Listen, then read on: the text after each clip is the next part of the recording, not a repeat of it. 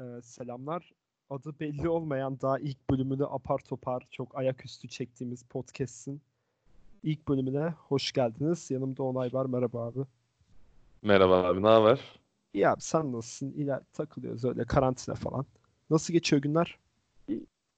İyi abi, nasıl geçsin? İşte bugün hani bir erkek grubunda ulaşabilecek son şeyleri de gördük. 50 erkek oturup Friends testler falan yapmaya Evet ya. başladık. Hani o seviyeye Beni ne geldik. kadar tanıyorsun? Ya benim üçüncü günüm daha. Hani ailemin yanına geldiğim üçüncü gün ve çılgın sıkıldım. Aşırı iğrenç bir durum ve bilmiyorum ya ben beşinci altıncı günde bu seviyeye düşeceğimi tahmin ediyordum da üçüncü gün çok fazla oldu. Maraş'ta durumlar nasıl abi? Hani böyle İstanbul, Ankara şeyliği var mı? Telaşı. Abi hiç dışarı çıkmadım geldiğimden beri. Hani annem direkt aldı otogardan eve geldim ve hala aynı sandalyede oturuyorum ama var diyorlar. Millet çok dışarı çıkmıyor, şey yapmıyor. Marketler boş ve Maraş halkı biraz daha şey bir halk nasıl diyeyim.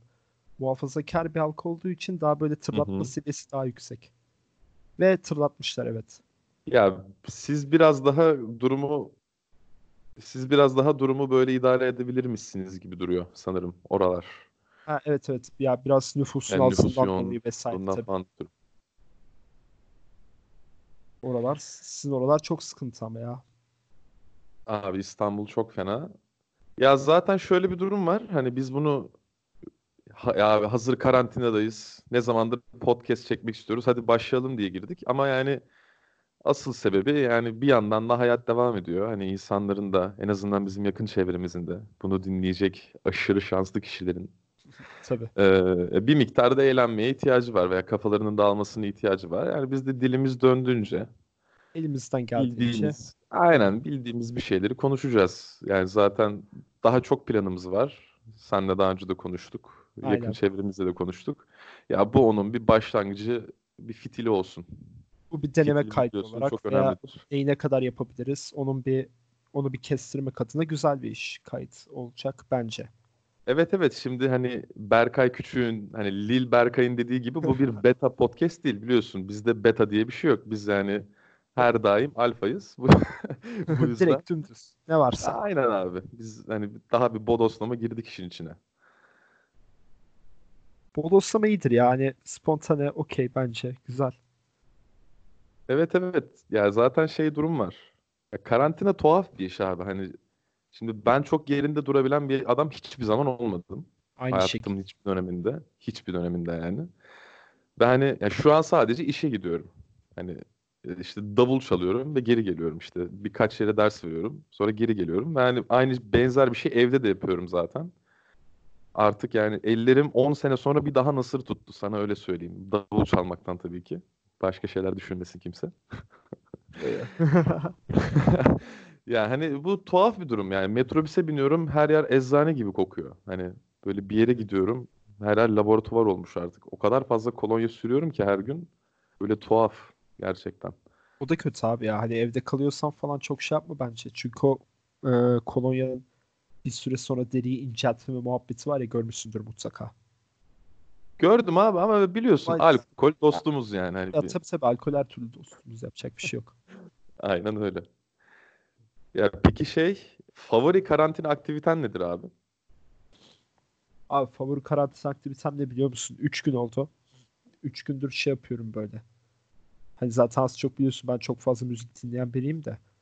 Baştan Hı hı. şey yaptım dedim hani 17 Mart 2017 i- 2020 itibariyle dinlenen albümler falan diye bir liste yaptım öyle devam ediyorum. Şimdiden bir 10-15 civarı albüm var. Dizi, film falan takılıyorum. Hani esasında yatmadan bir saat önce her gün ne yaptıysam onu tüm güne yaydım. Arada oyun falan oynuyorum bilmiyorum öyle. Bak ben de öyle bir müzik müptelasıyımdır biliyorsunuz zaten. Aynen. Hani biraz da iş gereği. Daha doğrusu Zaten. müptela olduğumuzdan dolayı bu işi seçtik. Güzel ya. Yani e, bir bir şey var. Benim Spotify'da bir listem var. İlla ki görmüşsündür sen. Ömrümü verdim diye. Perfection eski ismi. Yani 2500 şarkı falan var abi. Hani böyle 186 saat falan öyle bir şey. Hani 500. Wow. yani şey olursa bu çok boşluğa düşersen ulan burada ne varmış diye bakabilirsin. Yoksa öyle bir reytinge ihtiyacımız yok da sen nasıl istersen yani. Yalnız seninki çok fazlaymış ya. Bak benim en fazla e, pardon bir rap listem var. 20 saat 303 şarkı. Ben ona diyordum hani oha aşırı fazla diye de. Seninki harbiden wow. Abi bak o liste 186 saat. O listeyi oluşturmak çok daha fazla sürmüş olabilir. Tabii canım. Yani çünkü 3 hafta sürdü. Ya bayağı 3 hafta ben her gün bilgisayarın başına oturdum. Rahat 3-4 saat ayırdım falan. Onu oluşturdum. Yani 186 saat aşağı yukarı 8 gün yapıyor. Yani böyle düşündüğün zaman çok fazla. Çok. Ama yani şey e, bayağı memnunum ya. Bu arada hala tam değil. Hala işte belli yerlerini tıraşlamak gerekiyor. Eyvallah, Belli yerlerini düzeltmek gerekiyor. Yeni şeyler eklemek gerekiyor falan. Yaşayan bir liste yani. Ya bakalım. Ya çok da matah bir şey değil ama söyleyeyim yani. O kadar saat ayırmalık bir şey değil yani. Değmiyor. Abi ben de işte dedim ya sürekli albüm falan dinliyorum diye. Ya dün dünden itibaren şey hissetmeye başladım. Sanki ben böyle yeni bir şeyler dinliyorum. Tamam eyvallah ama ben o şeyi sadece dinledim demek için veya dinlemek için dinliyorum gibime geliyor. Öyle bir nokta var abi. Bir noktadan sonra çok öyle oluyor. O, o çok şey hissettirdi böyle. Ee, gereksiz, önemsizlik mi diyeyim, nasıl Bir diyeyim? noktadan sonra anlamını yitiriyor. Ya bu hayatta Aynen. her şeyin fazlası zarardır abi. Müziğin de aynı şekilde. Hani Tabii, bir şeyi çok sevdiğin zaman böyle çok da cılkını çıkartmamak gerekiyor aslında. Ama işte hani eee Aşık Veysel'in mi bir lafı vardı. Yani bu nefis işidir müzik diye. Erkan orada şey derdi. Ben nefsime hakim olamıyorum diye. Hani eee, bir gülü dalından koparmak gibi aslında bir şarkıyı kaydetmek. Siz o şarkıyı çalıp kaydettiğiniz zaman gül artık nasıl kopardığınız anlamını yitiriyorsa şarkı da anlamını yitiriyor diyordu. Aslında bu müzik işi çok canlı bir iş. Ve yani sen oraya bir hissiyatını yansıtıyorsun. Ama onu kaydedip piyasaya sürdüğün ve yani bir şekilde ortamda, çoklu bir ortamda dinletmeye açtığın zaman işler değişiyor. Hani bu tamamen daha Tabii o bir şey tüketim, oldu. malze tüketim malzemesine dönüşüyor senin hissin. Hani böyle olduğu için ya maalesef sanatın çoğu dalında böyle bir olay var. Özellikle sadece sanatla uğraşan insanlar özelinde. Ya Yani bence bu maalesef kötü bir durum. durum değil ya. Çünkü hani sanatı yapacak adam da bu işe belli e, bir seviyeden çok daha fazla zaman ayırıyorsa o kişi zaten parasını kazanması gerekiyor. Bilmiyorum bana böyle geliyor. Hani onun Ya bir ticari ürün olmasına da biraz gerek var. Ama hani oradaki olay bence şey biraz daha iyi kabul edilebilir ve kaliteli bir ticari ürün. hem öyle hem de ya bu işin piyasası pek yok. Yani piyasası yok derken ya tabii ki de var her şeyin var da değer ölçütü çok tuhaf yani. Hani Tabii bir tabii. Ya şimdi şeyi biliyoruz.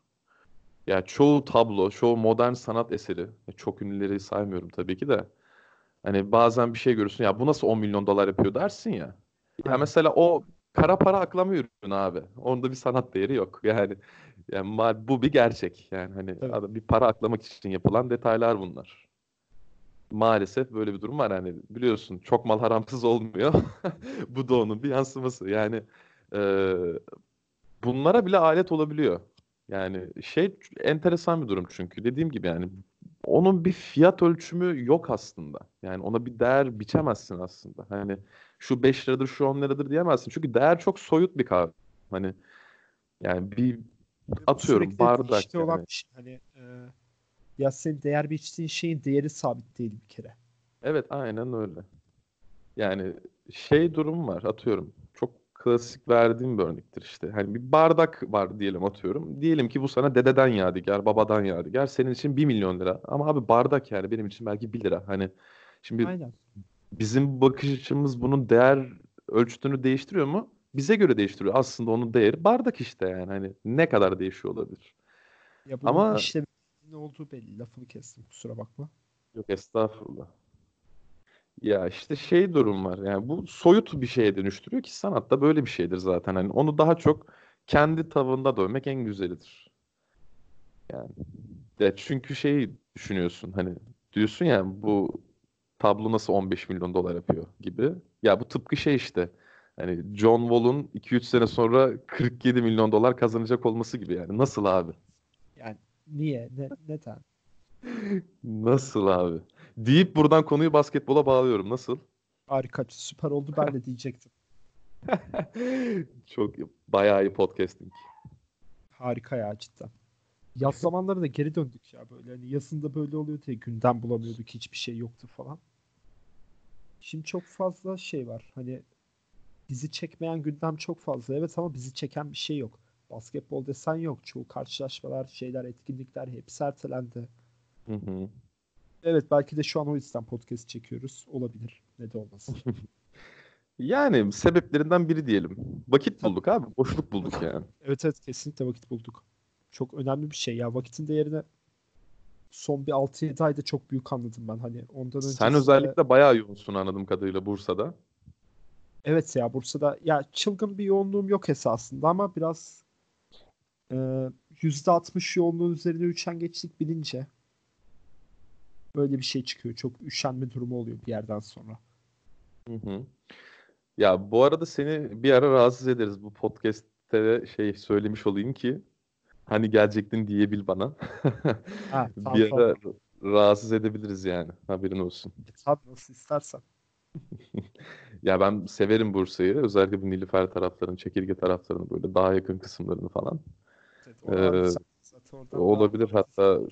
bakarsın bir hanımefendiyle geliriz. Olabilir yani neden olmasın.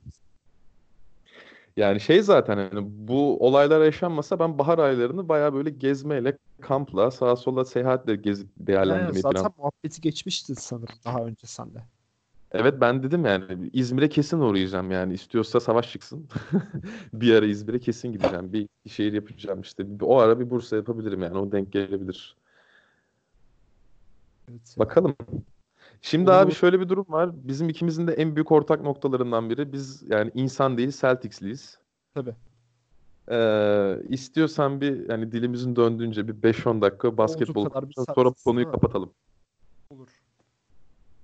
Şimdi, Şimdi abi sen ben ben bir şey sorayım. En son hangi maçı izledin? Ne gördün takımda? Hani direkt böyle kolay gidelim. Abi en son hangi maçı izledim? Nets maçını izledim sanırım ya. O Ee, zamandan beri izlemiyorum hani ben bayağı önceden. Hangi Nets maçı? Bir yenildiğimiz bir Nets maçı Şey- var onu mu diyorsun? Yenildiğimiz aynen aynen son Nets maçı. Bakayım. Aynen. Caris dokuz sayı LeVert'ün- farklı yenildiğimiz. Caris LeVert'ün Evet, evet. 51 attı. Evet Aynen. abi. Tam olarak o maç. Ve bu arada son çeyrekte tam 50 sayı mı ne yedik yani o civarı bir şey. Ya bak izliyorum çok güzel. Hani üçüncü çeyrekte falan iyiyiz şeyiz. Son çeyrekte ne olduysa bir anda her şey tersine döndü. Böyle setler işlemedi. Garip bir şey oldu ya. Çözemedim bir türlü. Hı hı. Yani ne oldu? Çok bariz abi. Sahada hiç kimse kalmadı. Hani Smart çıktı, Jalen çıktı, Tatum çıktı. Zaten galiba Kemba yoktu ya da minute Kemba yoktu. restriction'daydı. Çok az oynadı. Aynen. Yani öyle bir şey. Hani sahada bir anda yani 5 oyuncu kaldı. 3'ü çaylak zaten. Hani biri de Semi Ojeley. Yani Öyle öyle bir durum olunca hani bir anda bir anda 50 sayı yedik. Çünkü yani çok Boston'ın muhtemeldi savunma ya. temeli yok oldu bir anda. Yani. Bir de şöyle bir durum var. Hani Nets bazı konularda ters gelebiliyor. Hani aşırı atletik forvetleri girdi, girince yani işte Levert'tan bahsediyorum. Veya işte hani çok iyi spacing yaptıkları zaman hani bazen boş şut bulma imkanları çok oluyor. Öyle bir takım ters gelme olayları oluyor. Ama çok zevkli geçti maç yine de. Hani ilk üç çeyrek muhteşemdi bence. Harbiden güzeldi ya evet. Hani zaten e, benim şeyim biliyorsun hani ben okul zamanı çok maç izleyemiyorum şey yapamıyorum da. Hani harbiden tam hit oldu o böyle denk geldim ve harika bir maçtı. İşte Evet, öyle maçlar çok kıymetli oluyor. Öyle maçlar çok kıymetli oluyor şey olduğun zaman hani sıkışık vakitte bir anda denk gelip Evet. ulan ne maçtı be diyorsun hani bayağı güzel oluyor. Ya şöyle bir durum var. Ee, aslında o maçta birçok şeyin özeti bu sezon içinde. Ben ufak bir giriş yapayım bu konuya. Yani Tamam. bizim bu sene en büyük problemimiz sakatlık. Yani bizim en çok dayak yediğimiz nokta o. Yani Jalen herhalde bir 10 kere sakatlandı. Ee, Smart bir ara göz enfeksiyonu yaşadı. İşte Kemba hani kariyeri boyunca 6 maç kaçırmış herif. Celtics'te bir 10 maç kaçırdı herhalde. Veya daha fazla. Muhtemelen daha fazla. Zaten dizinden sıvı aldırmış. Ya zaten Hayward'ın durumu belli. Hayward'ın hiç olmayacak bir pozisyonda eli kırıldı ki yani kariyer sezonunu oynuyordu herhalde. All-Star oynadığı sezondan Ya daha iyi girmişti sezona. Aynen girdi. Yani o sakatlığı atlatıp bu kadar iyi girmesi belki de kimse beklemiyordu. hem öyle yani hem de şu, yani geçen senenin prangalarından kopmuş bir şekilde girdi. Hani bu da var. Ee, takımda herkesin rolü çok belli. Ve herkes her şeyi yapabiliyor. Bunu işte geçen aramızda konuşmuştuk. Yani herkes şut atıyor, herkes savunma yapıyor, herkes top paylaşıyor, herkes e, switch yapabiliyor. Herkes çoğu pozisyonu savunabiliyor. Bir, savunabiliyor işte Kemba hariç. Tabii yani o fiziksel bir dezavantaj olduğu için. Tabii. Ee, hani işte takımın işte birinci top yönlendiricisi belli. Kemba Walker. ikinci top yönlendiricisi Gordon Hayward. Hani işte prime scoreri belli. Prime savunmacısı belli. Altıncı adım belli. Ama sorun şu ki sana da bir soru soracağım şimdi. Hani e, bu takımda 6 tane adam var abi. İlk 6'yı şimdi ikimiz de biliyoruz. Sence bu takımın en iyi 7. oyuncusu kim? Güzel soru. Hmm. Abi Tice saydın mı? 6 adam içinde. Say. Abi evet Tice. Yani işte Smart, Tatum, Aynen. Jalen, Hayward, Kemba, Daniel Tice. 7. adam olarak bilmiyorum ya çok şey. Değil mi bak seni bu kadar düşündürmesi bile zaten olmadığını gösteriyor aslında. Aynen aynen. Ya, Ya ben şey- söyleyeyim Grant Williams hani istatistik olarak aldığı süreye falan da bakarsan Grant Williams.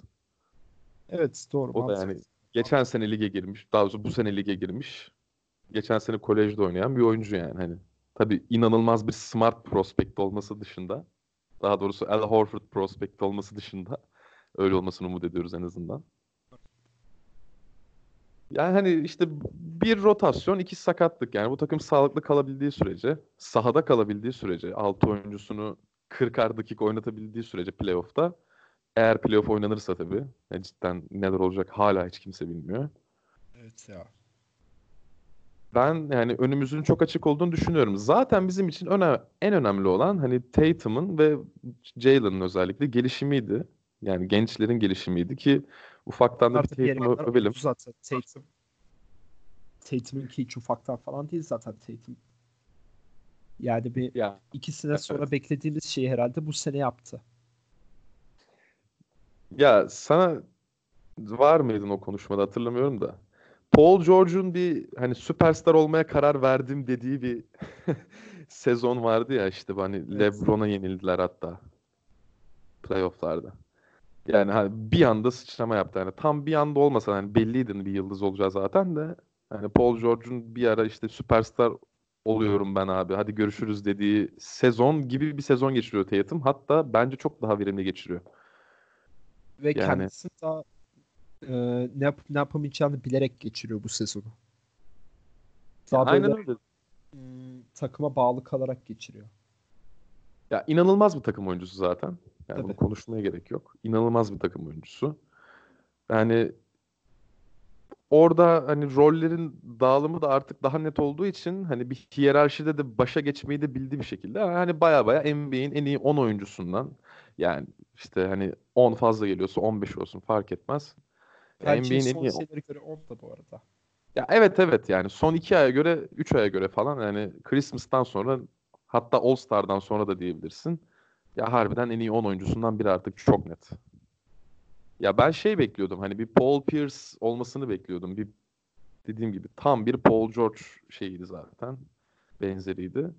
Ya ikisinden de iyi olacakmış gibi duruyor. Tabii Allah zeval vermesin. Sakatlık makatlık aman abi. Vermez umarım ya. Vallahi çok üzülürüm.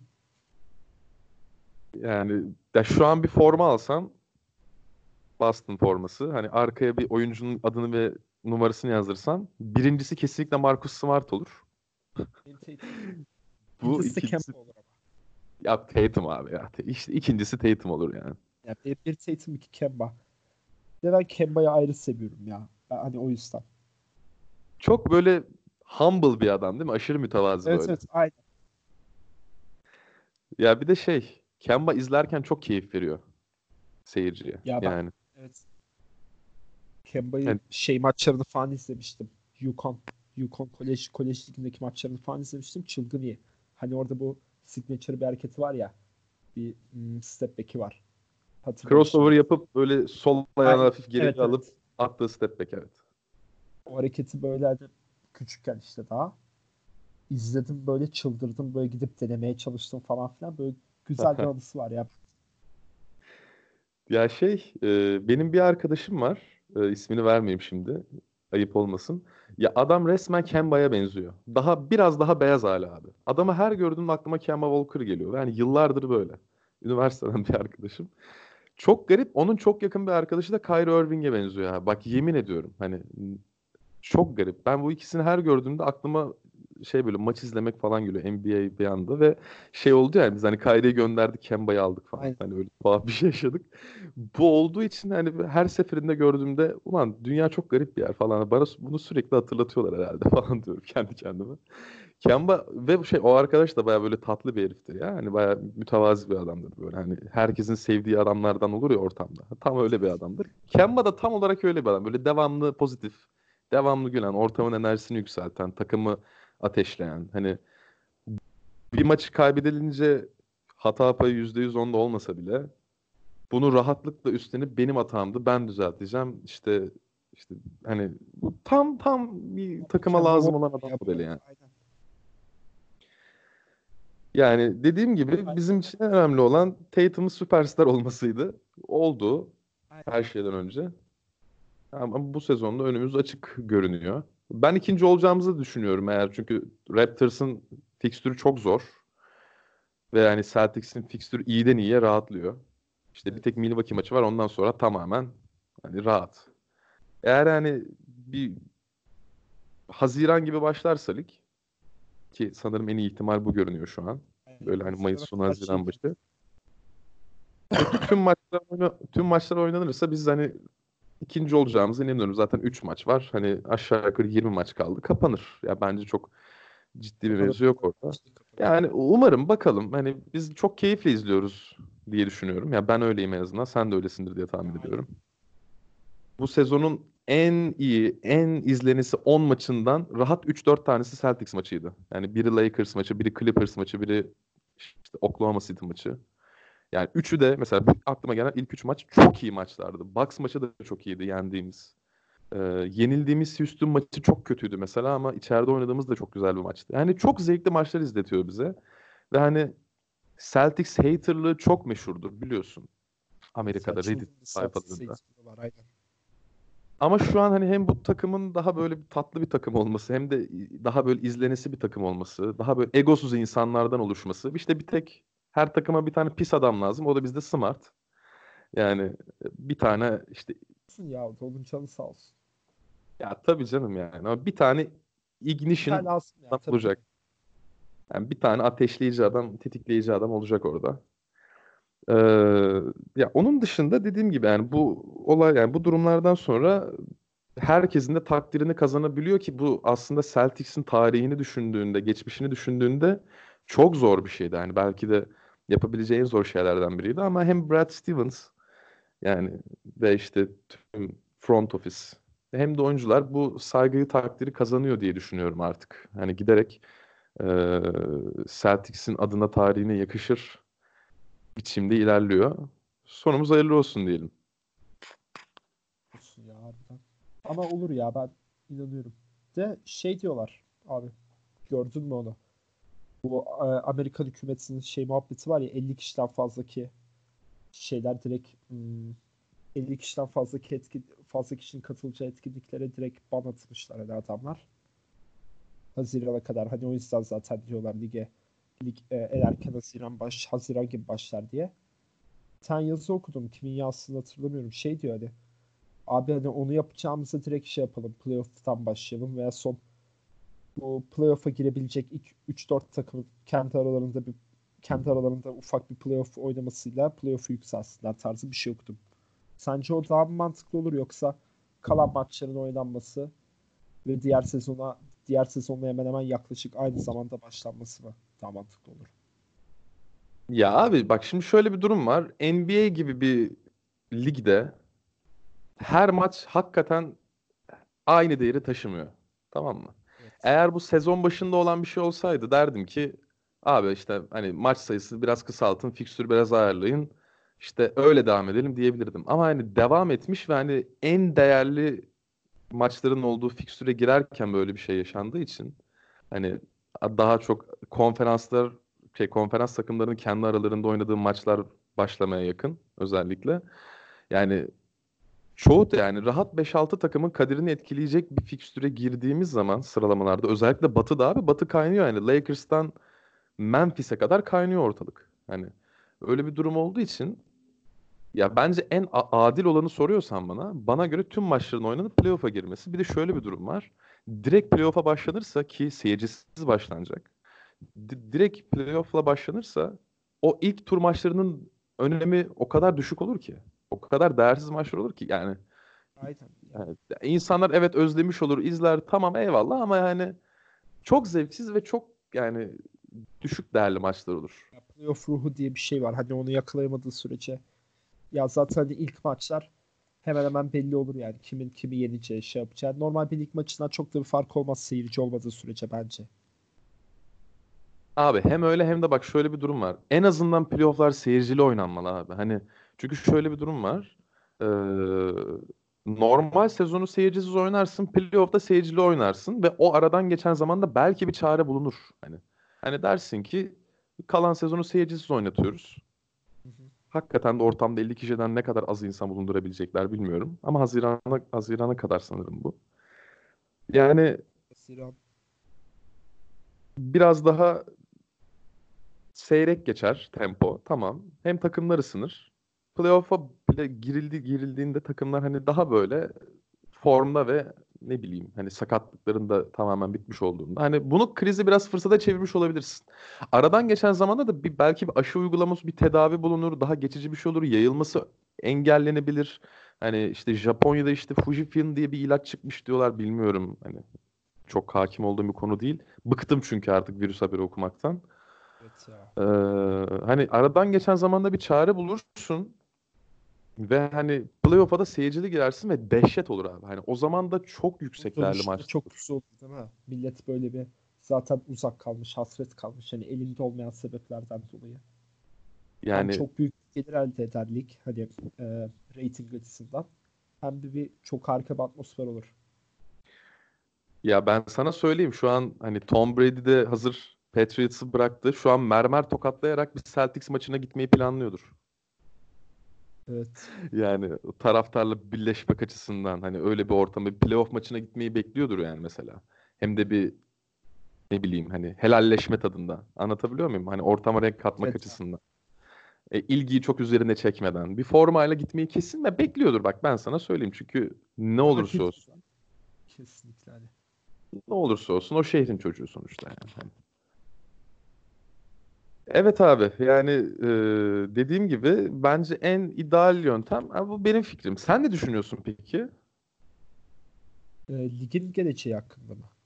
Evet evet yani en optimum sonuç çözüm ne olur yani?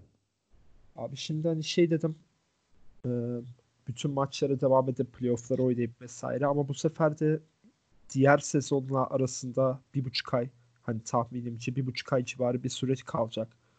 O sürede kadar şey olur. Oyuncular kendilerini ne kadar toparlar, ne kadar gelişebilir. O biraz soru işareti ama dediğim gibi hani, e, benim için de ligin devam etmesi aynı şekilde tüm maçların oynayıp şey yapması çok daha adaletli ve daha lig için de faydalı bir durum olur. Hani ligin ekonomisi için vesaire. Çünkü hani ben bilmiyorum ben o zamana kadar şeyin çıkacağını düşünüyorum belli bir e, aşısıdır, şusudur, busudur ya, yazın ortalarına doğru. Ya ben de aynı fikirdeyim zaten seninle aşağı yukarı ama hani önümüzdeki sezon da bence kesin lockout olacak. Onu söyleyeyim yani. Evet. Ya kesin en az 10 maç daha az oynanacak bence. Ya ki hani belki o 10 Şans- maç sıradan falan. 10 maç daha az oynanan halinde belki NBA şeyi görür. Benim bu konu açıldıkça değindiğim bir şey var. Hani maç sayısının kesinlikle azaltılması gerektiğini, hani bu fikstürün Evet, artık kaç yıldır söylenen bir şey bu tabii. Evet. Ya bu kadar efor sarf edilen bir oyunda 2020 yılında tempo bu kadar artmışken artık hala back to back oynanmamalı abi. Hani azaltın işte maç sayısını. Yani bu kadar sakatlık da görmeyelim. Her takımı rahat rahat izleyelim. Ya bir de biz özellikle Amerika dışındaki seyirciler olarak her gece ard arda sevdiğimiz takım için Evet. kalkmayalım abi. Yani bırakın da uyuyalım azıcık. Yani bizi de bir düşünün. Yolup da kendimize gelin. Ya hani ben hani her zaman söyle Division muhabbeti saçmalık abi artık. Tüm Division maçlarını kaldırırsan 72 maça düşüyor sezon. Gayet ideal. Yani bu daha manage edebildiğim bir şey haline gelir. Yani hani bu önümüzdeki sezon bence kesin lockout olacak yani bu virüsün etkileri ne olursa olsun yani. Bu benim fikrim. Tabii önümüze bakacağız. Ya öyle çok da konuşmak istediğim bir konu değil aslında bu ama dediğim gibi hayırlısı olsun. Yani şey bana göre bundan çok korunma yolu yokmuş gibi geliyor. Yani sanırım bu virüsü herkes yakalanacak, geçirecek ve iyileşecek. Geçecek, Evet evet. Aynen. Ya ya da geçmiş olsun. Herkes bu bağışıklığı bir şekilde kazanacak ve kazanamayacak. Hani bu yola girdik artık. Ya bence de hani son son şey o hani herhangi bağışı bulunmadan zaten milyonları aşacak bence virüsün hmm, görüldüğü vaka sayısı vesaire. Ve dediğim gibi bizde de çok ya şöyle bizim yaş grubumuzda da çok yapacak bir şey yok. Bizlik bir olay yok biraz nasıl diyeyim. Öyle demek sanırım daha mantıklı. Bizlik bir olay yok. Hani biz bulaştırırız. Hadi şey olur. Bize biz bulaştırmayız. Otururuz, geçiririz ve bu kadar. Hadi geçmiş olsun. Geçmiş olsun. ya ben şeyden korkmuyor değilim.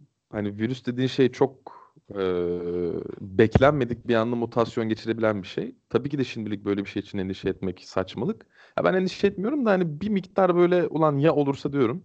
Hani şu an bağışıklık kuvvetli bir bağışıklık sistemini etkileyemeyecek durumda ama mutasyon geçirip bunu da etkileyebilecek hale gelirse ve daha alt yaş gruplarına sirayet etmeye başlarsa bakalım ne olacak. Hani çünkü mesela artık sıcağa daha dayanıklı bir halde.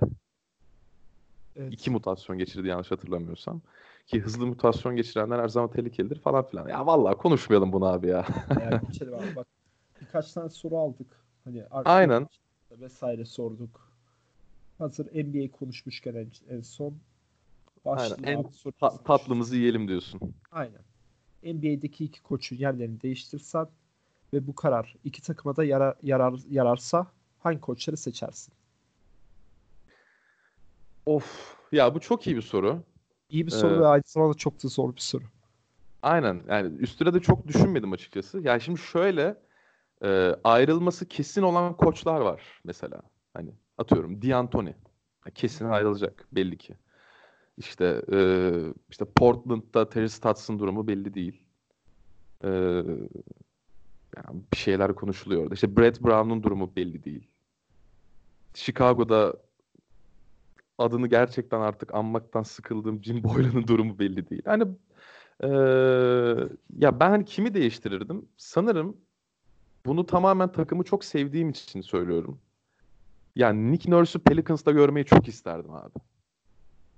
Hani Güzel. gerçekten çok isterdim mesela. Hani sanırım o yani o takım çok kıymetli bir takım gözümde. Hani acaba giderek abartıyor muyuz gibi de düşünüyorum ama biraz evet. da Evet evet Pelicans. Yani Yi- Yiğit Uğur Üzümcü etkisi de olabilir bu. Evet olmasın. yani sanırım o takıma böyle en iyi koçlardan birini koymak çok hoşuma gider diye düşünüyorum. Ya iki koçun yerini birbiriyle değiştireceksem eğer hani öyle bir şey yapacaksam of ya sanırım Budenholzer'ı ya Budenholzer'ı e, Portland'da, Terry Stotts'ı Milwaukee'ye gönderirdim abi aklıma daha makul bir şey gelmedi. Yani ikisi için de faydalı olması çok zor çünkü. Yani şimdi Berkay bunu tabii ki de Bulls için soruyor. Yani Jim Boylan'ı nereye koyarsan fayda sağlamayacak. Yani öyle olduğu için onu hiç düşünmedim. O yüzden hani Budenholzer'ı Portland'a koysak sanki daha ım, tatlı olur gibi. Yani işte Stats'ı da Milwaukee'ye göndersek sanki daha eğlenceli bir takım izler, izleriz gibi geliyor bana. En azından B planı C planı olan bir takım izleriz gibime geliyor. Ya en azından Weston Matthews'ların, George Hill'lerin aldığı süreyi görmeyiz abi bu kadar. yani. Sence peki yani sen ne düşünüyorsun bu soru hakkında? Düşündün mü bir şeyler? Abi hiç düşünmedim biliyor musun?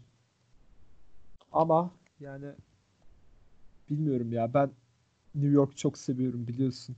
Evet evet. Ben de severim yalan yok.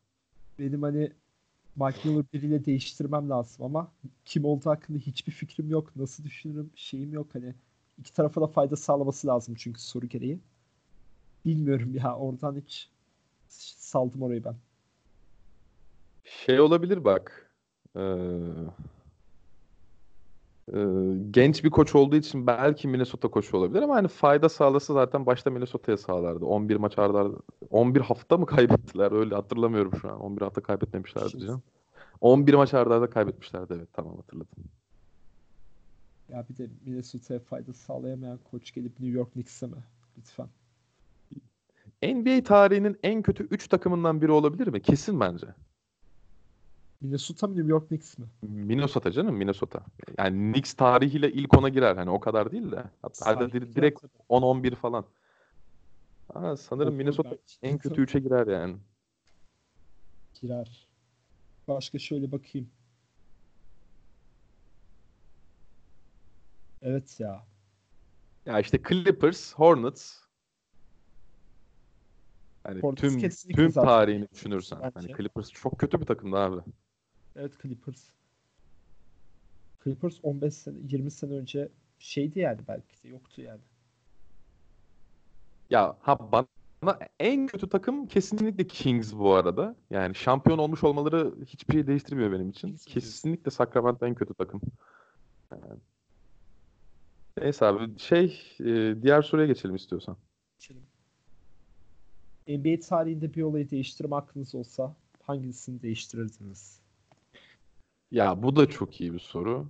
Ama benim bunda hani ya çok fazla şey var. Çok fazla şey söyleyebilirsin. Ama hani belki bu cevabı benden hiç beklemiyorsun ama hani benim içime en çok oturan olaylardan biri olduğu için Cevap- ya Chris Chris, Paul'un Lakers'a Evet. gidememesi abi. Oydu. Chris. Paul'un Lakers'a gidememesi. Ya Çok şimdi hani belki rahmetli. Kobe ile rahmetli Kobe ile Chris Paul'u izlemeyi o kadar isterdim ki bir de yani o yıllar bile yani sanırım tam bir yıl sonra geldi Dwight Howard. Evet evet tam bir sene sonra geldi. Ama yani o bir yıl önce de belliydi Howard'ın Lakers'a gideceği. Çok belliydi yani. Çok konuşuluyordu. Hani yüzde yüz yani Paul George Lakers gibi bir şey yoktu orada. Yani. Hani daha belli bir olay var. Adam La- Lakers'a kesin gidecekti artık. Ve hani işte Chris Paul, Kobe Bryant ve hani Prime Dwight Howard'ı izlemeyi çok merak ediyorum. Değil mi? Ne güzel takım olurlardı ya. Ya bir de işte hani NBA'de 30 takım var. Bizim en büyük rakibimiz Lakers. Eyvallah ama yani her zaman en büyük rakibin senin için aslında çok kıymetlidir. En büyük rakibin olduğu için. En büyük rakibini o seviyede görmeyi çok isterdim ki hani Kobe'nin artık prime'ı yavaş yavaş göçüp giderken ve hani ya belki sakatlanmayacaktı abi. Şimdi bilemeyiz tabii ki de bunu. Yani bunu konuşmak çok saçma da. Ee, ha bir de şey söyleyebilirim.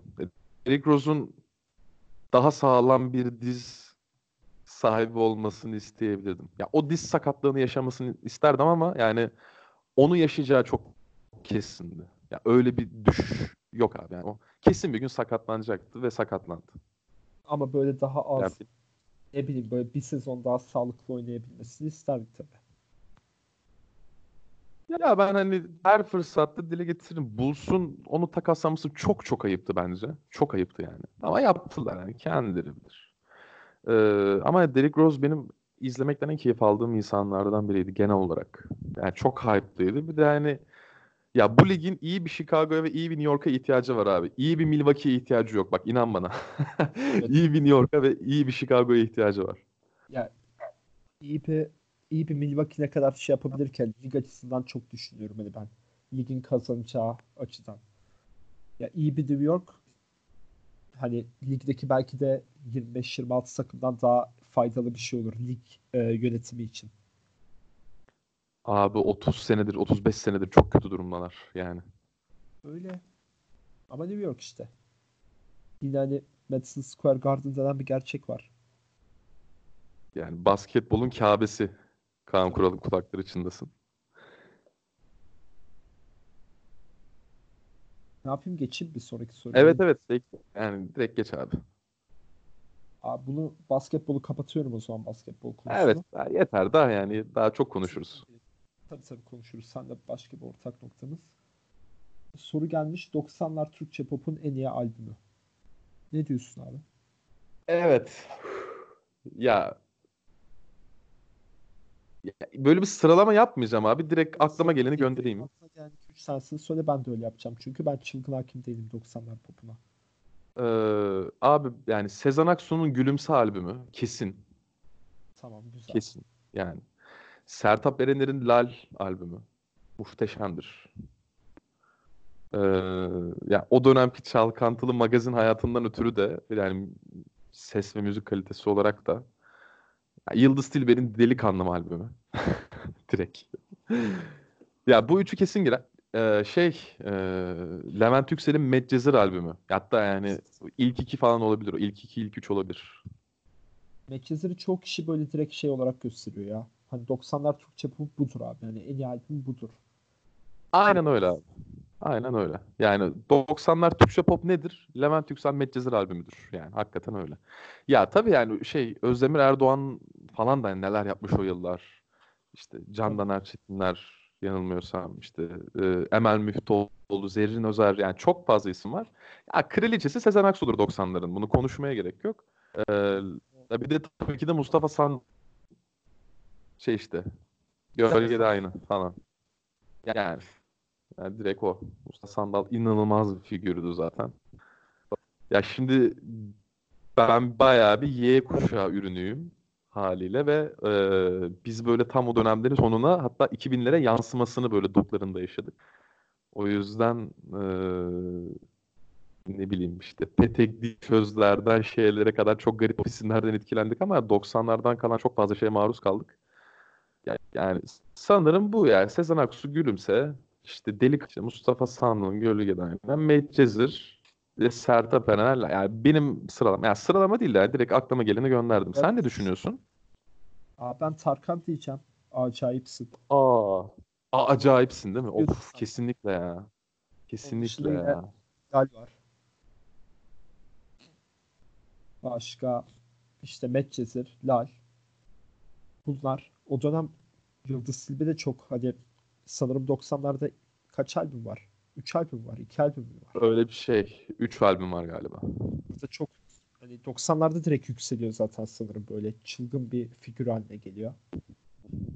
Evet evet işte bu İzmir'den İstanbul'a dönmesi sonra işte bir ara Bursa'da kalıp tekrar İstanbul'a gelmesi falan o yılları onun. İşte 92-94 veya daha sonra da olabilir. Yani 94-96 böyle o iki albümün bir yıl arayla çıkardı çünkü. Yan, yanlış hatırlıyor da olabilirim. Ee, o patladığı yıllardı zaten. İşte İbrahim Tatlıses'le olayları vesaire Sezen Aksu'yla.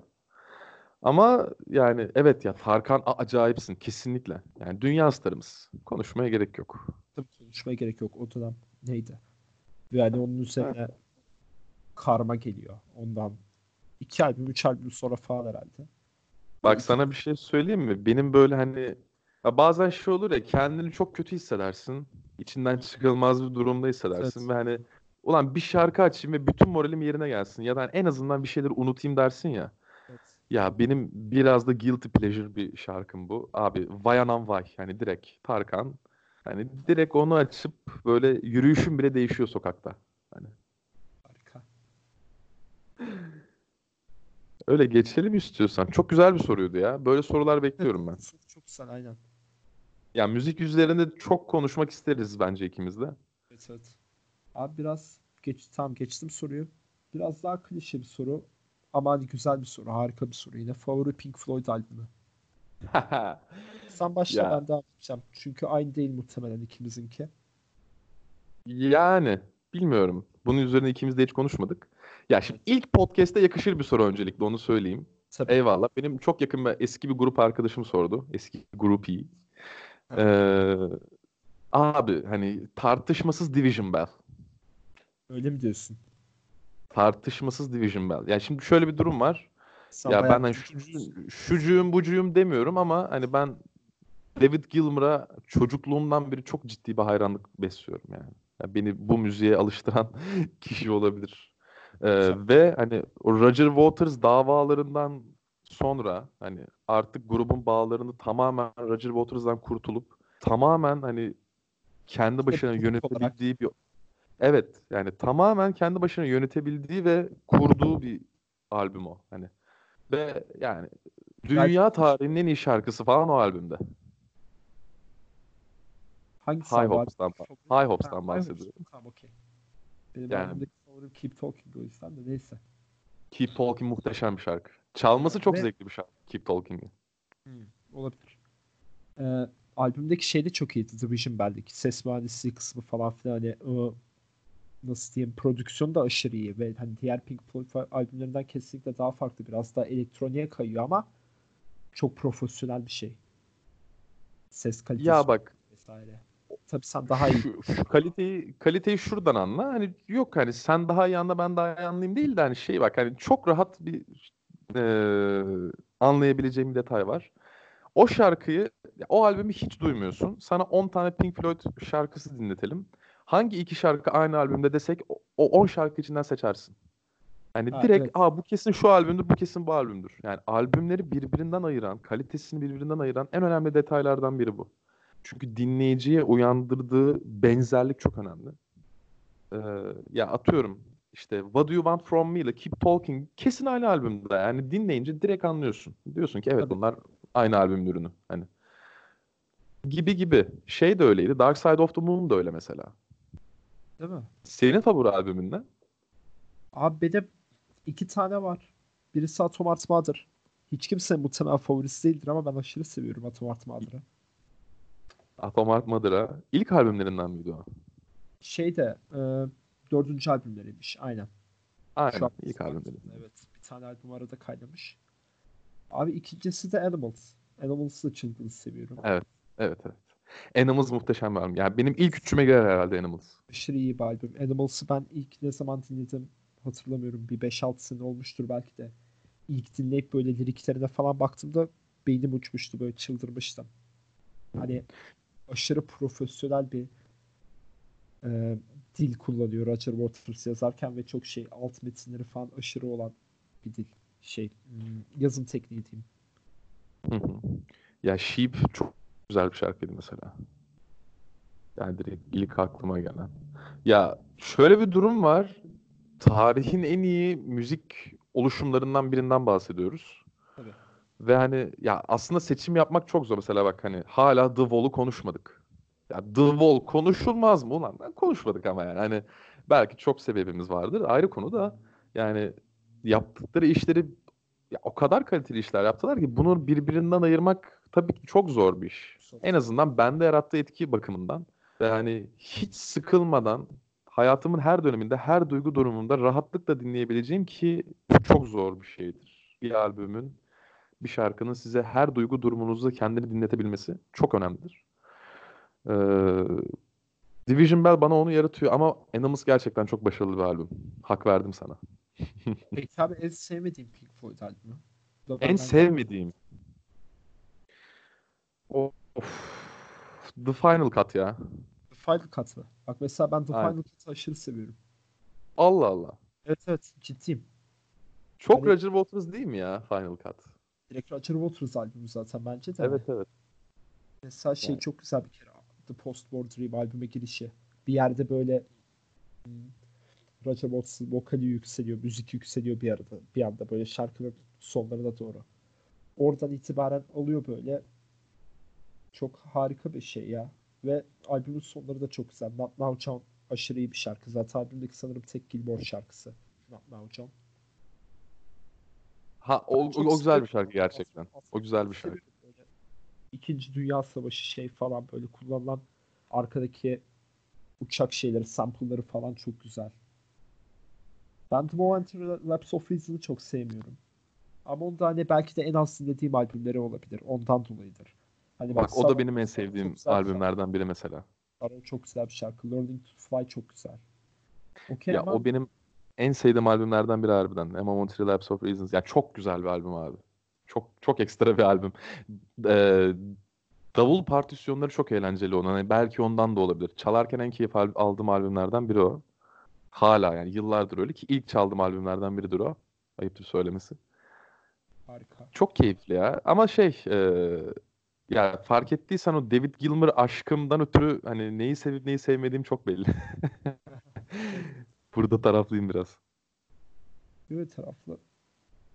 Güzel. Ya taraflı olman da gerek bence. Yani bu şey değil ne bileyim. Eee millete çıkıp şey anlatmıyoruz hani. Dediğim gibi hani futbol, basketbol anlattığımız zaman tamam abi hani sen şunun taraftarsın ve sen e, bunu bunu empoze ediyorsun. Belki de müzik de öyle değil ki. Zaten herkesin dinleyerek kendinden bir şeyler bulab- bulacağı bir şey. Çok boyutlu bir şey Aynen değil. öyle. Aynen öyle. Ya ben bunu daha çok seviyorum. Aslında spor da öyle ama bakma yani. Hani orada işler çok değişiyor. Geçelim istiyorsan sonraki soruya. Abi geçelim nasıl istersen. Yolculuğu verimli geçirme yolları. Böyle Ha. sorumuz varmış. Çok kıymetli bir hanımefendiden geldi bu soru öncelikle. Eee, ya şimdi ikimiz de sanırım deli gibi müzik dinliyoruzdur. Evet. Eee, Ben ya muhtemelen daha uzun yolculuklar yapıyorum. muhtemelen yani benim 7 saati hiç geçmedi. 7-8 saati hiçbir zaman geçmedi. En az 6-7 saat. Aynen yani. Yani eskiden Altınoluk'a her gittiğimizde bu şu anki yollar kullanılmıyordu. Çanakkale üzerinden sürekli gidip geliyorduk ya da feribotla Bursa üzerinden gidiyorduk. İşte Edremit tarafına aynen ve e, o yolun 8 saat sürdüğü bile oluyordu abi. Yani cidden 8,5 saate 9 saate bulduğu oluyordu. Çünkü Çanakkale yolu çok dağlık bir yol. Ve hani işte biz genelde hep gece çıkıyoruz o yola ve haliyle çok yavaş ilerlemek halinde kalıyor. 50 ile falan gidiyor çoğunlukla.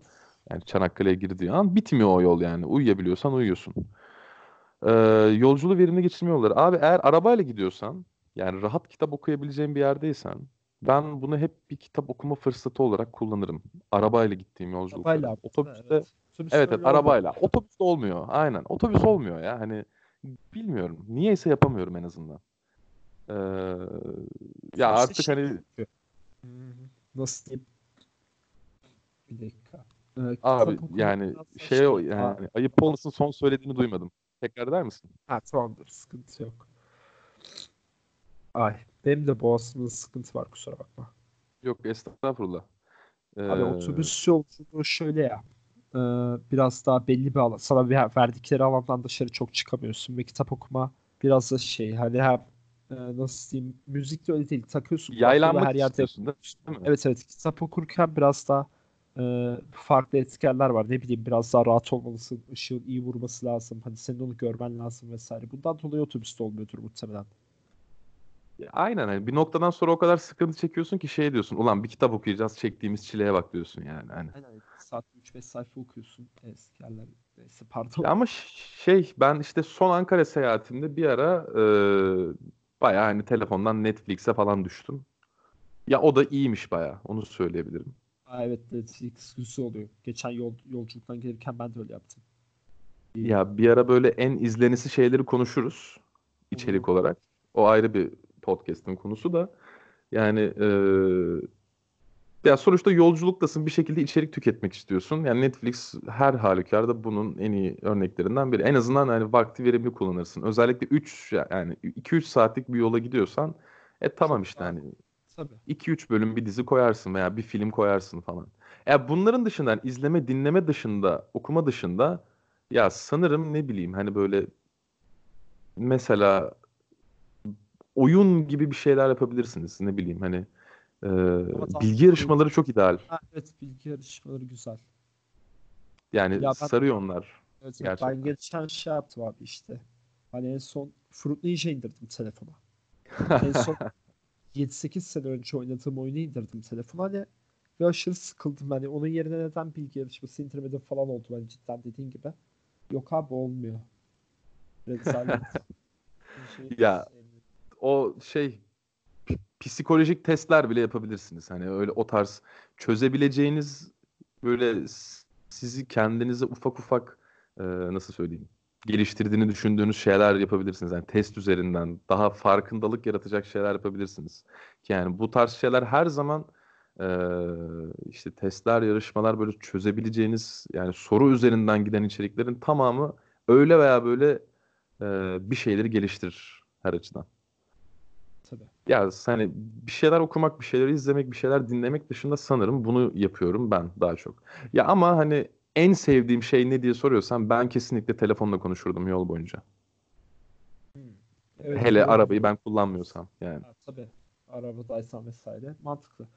Ya ben yol uzun Ya yalnızsam, biraz- yani biriyle gitmiyorsam yola kesinlikle bunu yapardım yani. Değil mi? Hani o, o an senin yanında böyle iletişim kurman gereken biri yoksa gayet yapılabilir. Çok mantıklı. Ya genelde öyle durumlarda özlediğin insanları ararsın zaten. Ve hani e, çok o güzel. yolu onlar geçiriyormuş gibi hissedersin. Öyle. Ben biraz staj yapıyorum ya uzun yolları. Ne bileyim hani aklımda olan belli fikirleri nereden nasıl yapmalım, yapmalıyım konusunda çok araştırıyorum. Mesela bunu günlük hayatta çok yapmıyorum. Genelde yolculukta yapıyorum. Hani bu en basitinden benim okuldan eve dönerkenki 45 dakikalık metro e, metro seferimde olsa bile bunu yapıyorum yani. O zamana ayırıyorum. Bilmiyorum daha rahat hissettiriyor bence. Denenebilir.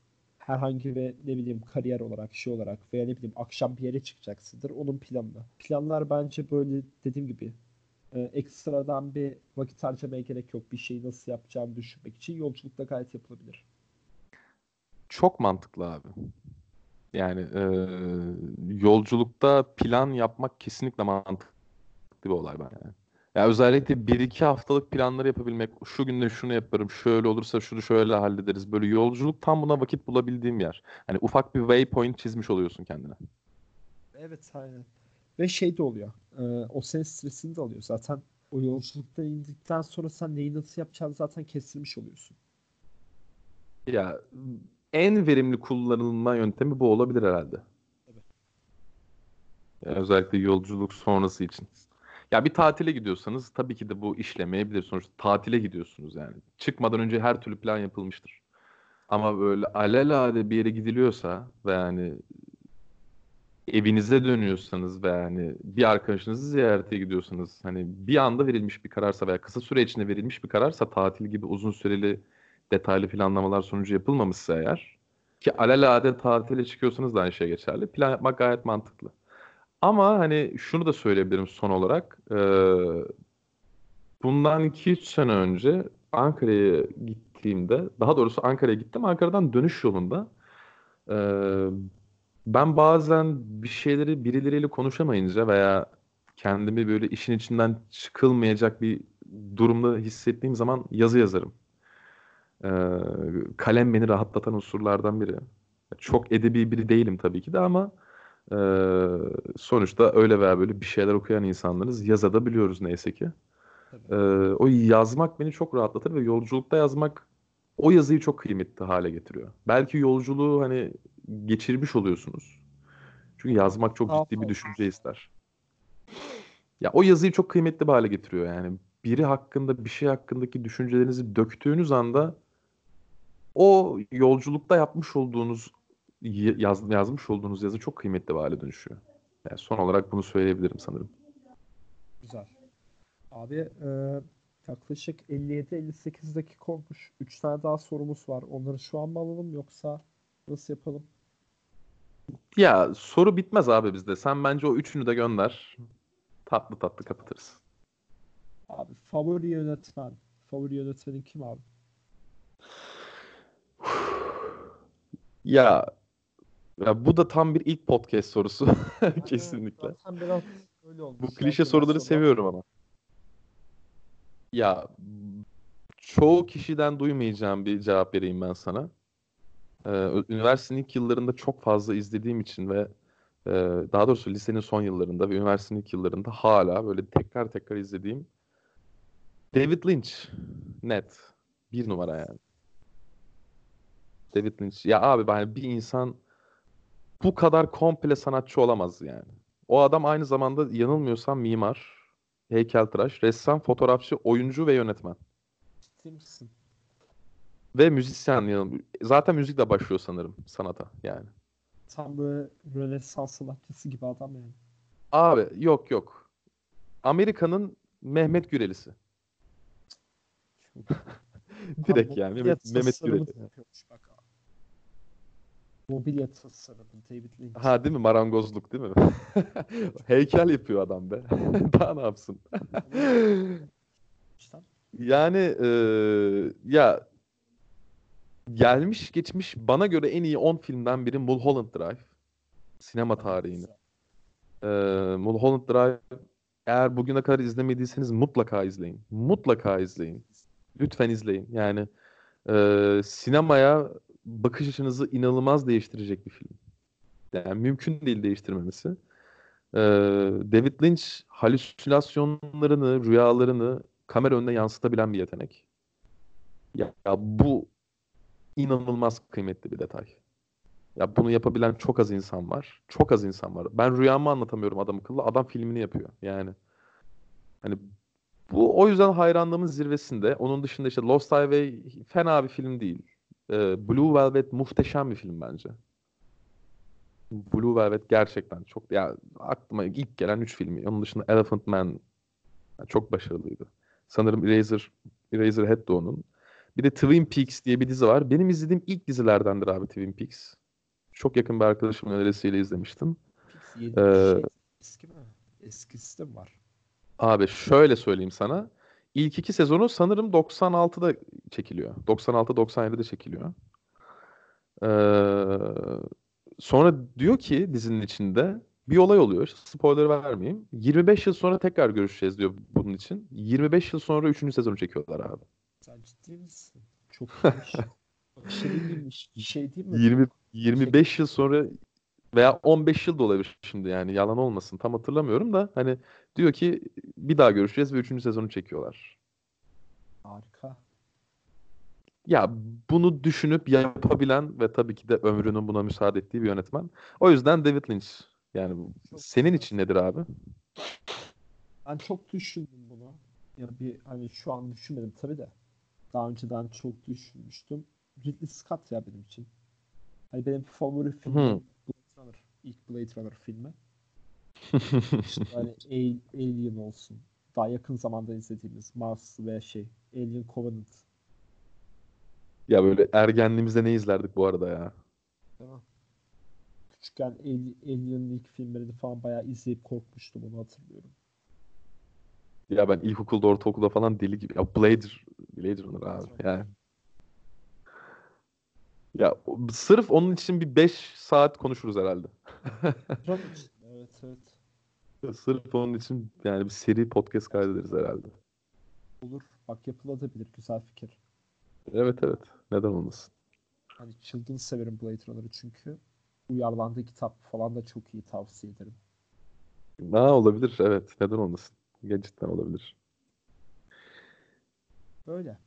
E, son iki soruyu alalım istiyorsan abi. Tamamdır alalım. Abi soruların biri ofansif mizah hakkında ne düşünüyorsun? Ofansif mizah sence nasıl olmalı veya nedir? Ülkemizde doğru yapılıyor mu? Ya öncelikle şunu söyleyeyim. Şunun hakkında dalga geçilmez ve hani şunun hakkında şaka yapılmaz diye bir şey yok bence. Kesinlikle olmamalı. Ya mizah ya şunun mizah olmaz diyorsan mizahı bilmiyorsun yani. Mizahın ne olduğunu bence anlamıyorsun. Hani zaten mizah bir şeyleri bazı şeyleri ciddiye almaman gerektiği için yapılan bir şey. Ve hani o konuda hani mizah konusunda da ciddi olmamalısın bu kadar yani. Hani e, her şey mizah yapılır. Ya ben şahsen bu ırkçı ve din üzerinden yapılan mizahları çok niyeyse seviyorum. Hani e, Ben lisede seviyorum. lisede çok yakın bir arkadaşımla yani bu çok fazla şey üretebiliyorduk bu konu hakkında. Ya bir de işte Big Bang Teori'de bu Yahudilik üzerinden işte Hintlilik üzerinden çok fazla şeye dönerdi. Ofansif mizah dönerdi. Ya benim çok hoşuma giden bir şey aslına bakarsan. Yani ülkemizde doğru yapılıyor ama bence fena değil. Yani hani Her e, şey mainstream bir yerde değil. Hani mainstream olarak çok kötü yapılıyor bence. Ne bileyim hani bu Instagram, Twitter gibi hani böyle milletin çok rahat ulaşabildiği yerlerde aşırı kötü yapılıyor. Ama onun ha dışında evet onu soruyorsan tabii ki de kötü. Yani sosyal medya üzerindeki ofansif mizah soruyorsan kötü tabii ki. Onun savunulacak bir tarafı yok. Reddit'te bazı sayfalar çılgın harika mizahlar yapıyor, şey yapıyor. Ne bileyim bazı kişilerin düşünce şekilleri bu ofansif mizah hakkında bayağı iyi. Ama işte bizim halkımız da biraz ofansif mizahı yanlış anladı ya. O çok kötü geldi bizim ülkeye. Ya hani Türkiye'de, e, Almanya'da, Amerika'da, Bulgaristan'da, İngiltere'de yani bunun ülkesi veya milleti yok arkadaşlar. Hani bu tamamen e, ya bunu iyi yapıp ne olduğunu anlayan insan var, kötü yapıp kötü yapan şey kötü ol- olduğunu düşünen insan var. Hani e, yani bunun şurada iyi yapılıyor mu bilmiyorum. Yapılmıyor herhalde ama yani e, ya ben şahsen çok eğleniyorum. Ya Big Bang Theory mesela en sevdiğim ee, abi bak It's Always Sunny in Philadelphia. Evet. Ya ofansif mizah nedir? Budur abi. yani benim en keyif aldığım dizilerden biriydi. It's Always Sunny in Philadelphia. Philadelphia hakkında sevdiğim çok nadir şeylerden biri bu dizi. Yani e, tam zaten bizim ortaokul o yıllarımıza denk geliyordu. Yani ortaokul yıllarımıza denk geliyordu. Yani yani mesela bununla ilgili bir şey istiyorsanız bunu rahatlıkla tavsiye ederim. Yani bu bu diziyi izleyip ofansif mizah sevmemek saçmalık bence. Ya ben şöyle söyleyeyim ben e, çok ciddi e, Atatürkçülükle yetişmiş bir ailenin çocuğuyum. Öyle bir okulda okudum. Öyle bir ortamda büyüdüm. Çevrem de öyledir. Ve hani Atatürk hakkındaki en ofansif şeyleri ben yapabilirim. Bu ne ona saygısızlık yaptığım anlamına gelir. Ya tabii Çünkü mizah bu yani. Ya bence atam da buna bir şey demezdi açıkçası. ki yani sormak lazım. Ee, değil mi? Derdi başından aşkındır moruk boş ver. Ha, gerek yok. Evet son soruyu alıp kapatalım Tamam istiyorsan. abi, bu daha önceden gelmesi gereken bir soru ama bunu biraz sona bıraktım. Keyfimiz kaçmasın. Başınız, başınıza gelmiş en kötü olay abi sorumuz bu. Ya istiyorsan ilk önce sen söyle. Abi bende belli bir şey nasıl diye düşüneyim. Ya ben çılgın başıma gelmiş öyle çılgın kötü bir olay yok ama hani 3-4 gün civarı bir çok kötü geçirdiğim bir dönem vardı. Ee, bu biraz şey olacak hani bilmiyorum bunu burada söylemem ne kadar doğru podcast'te şey yapma falan da 15 Temmuz zamanı işte babam Hı hı. e, 4 3 gün civarı eve gelmemişti falan. O o herhalde benim hayatımda geçirdiğim en kötü dönemlerde. Polis hani bu arada benim babam da ondan dolayı. O o Anladım. şey Yani o kötü. Mental olarak çok kötü etkilemişti beni. Hatta hani bir, bir yıl, bir buçuk yıl civarında durdu o, şeyi, etkisi. Bu onun dışında hani bir şey olarak yok böyle. Ne bileyim şu oldu bundan dolayı ben bunu üzüldüm. Bu şekil bir şey değil. Direkt bu. yani e, elinde olmayan ve hani siyasi bir sonucun olduğu bir şey olduğu için kendini aşırı çaresiz ve e, muhtemelen hani karanlık hissetmişsindir ve o, o endişe, telaş zaten tarif edilemez yani. Evet. Sen Şu an bir sıkıntı yok değil mi ama yani büyük geçmiş Yok, olsun tekrar. abi, yok. herhangi bir sıkıntı yok yani Allah'tan. Bir sıkıntımız yok şu an yani. E, tamam abi. Yani o zaman geçmiş olsun diyeyim tekrar sana. Ya benim eee, ya şöyle benim eee beni biraz tanıyan insanlar zaten hakkımda bildiği 3-5 şeyden biridir. Eee, ya ben sınav senemi pek hoş geçirmedim. Bunun sınavla ilgisi yok. O yıl kötü bir yıldı. Yani 2016 yılı. Ben işte üniversiteye ilk girdim. Liseden 2016 mezun oldum sene. yıldı. 2016 ya tabii canım yani. Yani o konuşmaya gerek yok. Yani Türkiye inanılmaz bir terör baskısı altındaydı. İstanbul'da iki bomba patladı. Ee, işte Reyna katliamı yılbaşında oldu. Lemmy Kilmister vefat etti. Hani o, o, o yıl bir sürü insan vefat etti zaten. Yani o, Şey 2016 oldu. Bu Kızılay'da bomba patlamıştı. O da 2016 sanırım. Evet evet evet evet evet evet o yıl. Ya zaten hani o yıla gelmeden hani birkaç yıl ard arda zaten işte bu Ankara Gar katliamı, işte bu erken seçim olaylarında ortaya çıkan mevzular vesaire. Hani Gezi'den beri süre gelen bir şey vardı. Ama 2016 bunun şahikasıydı artık yani. Hani e, en kontrol edilemez noktadaydı. Zaten ekonominin falan düşme açısından sıçrama yaptığı yıl o yıldır. E, yani neyse şimdi birçok şey var. E, ben çok sevdiğim iki insanın vefat haberini almıştım o yıl. Ama yani Başın sağ çok girmeyeceğim. Çok girmeyeceğim bu konulara. Dostlar sağ olsun. Yani e, en beni üzen bir olay benim o yıl babam ameliyat oldu. O yılın kış aylarında. Ve hani bizim yani en azından çekirdek ailede herhangi bir sağlık problemi yok. Kronik. Hiçbir şey yok yani. Hakikaten şey bir aileyizdir. İlk defa babama oldu. Yani eee, bu arada şey hani midesiyle ilgili mevzuydu. Basit bir ameliyat yani böyle anlattığıma bakma. Ama hani ben o yıl daha doğrusu ya bütün yılın sonucunda bunu anlamıştım. O gün şunu anladım.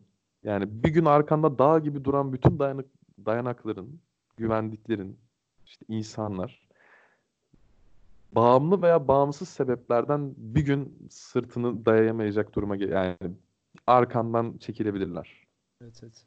Çok iyi Yani o gün yani babamı o sedye üzerinde yatarken işte karnında 3-5 ameliyat deliğiyle gördüğümde yarı baygın böyle uyanmaya çalışırken gördüğümde yani uzun bir süre cidden hani annem de yanındaydı, kardeşim de yanındaydı. Uzun bir süre donup baktığımı hatırlıyorum yani. O psikoloji çok tuhaf. Hani çünkü 21 sene arkamda durmuş. 21 sene değil. Yani 20 sene arkamda durmuş ve her anımda öyle ve öyle desteklemiş birini hani öyle görmek bir anda hani hiç düşmeyeceğini düşünürsün ve düştüğünü görürsün ya öyle bir şey. Ya bu şey de böyle bir şeydi aslında. Şimdi Kobe Bryant'e niye üzüldük biz en çok aslında? Niye bu kadar şok olduk? Ya işte hepimizin bir şeydi, kahramanıydı, bir figürüydü. Ve be- öyle ya Serkan abi ikili oyunda çok güzel bir şey söylemişti abi.